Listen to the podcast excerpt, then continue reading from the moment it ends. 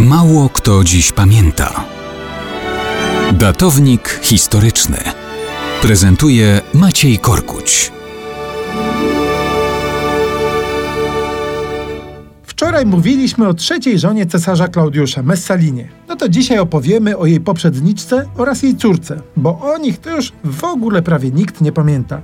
Elia Petyna została drugą żoną Klaudiusza. Był to wówczas pochodzący z arystokratycznej rodziny chorowity ułomek. Wtedy jeszcze nikomu nawet się nie śniło, że ten może kiedykolwiek zostać kimś istotnym w rzymskiej polityce. O tronie cesarskim nawet nie wspominając. Ślub miał miejsce w roku 28 naszej ery. Ten związek przetrwał zaledwie 3 lata. Klaudiusz był jaki był ale ponoć i sama Elia Petyna charakter miała podły. Zanim się rozwiedli, owocem związku była Klaudia Antonia. Ona już jako malutkie dziecko stała się córką cesarza z poprzedniego związku. W 1941 roku jako 11-letnie dziewczę została wydana za senatora Gnejusza Pompejusza Magnusa. Zięć cieszył się łaską teścia na tronie cesarskim do czasu.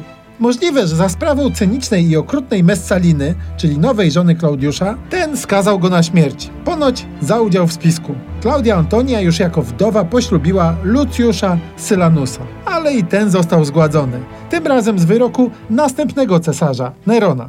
I tak się złożyło, że sama Klaudia Antonia wpadła w oko cesarzowi zabójcy. W związku z tym postanowił ją poślubić, ale ta odmówiła. No i ona również została oskarżona o spisek i stracona. Jak się na to patrzy, można pomyśleć, że w tym starożytnym Rzymie czasem lepiej było być chłopką gdzieś w dalekiej Dalmacji niż piękną arystokratką w samym centrum rzymskiej metropolii.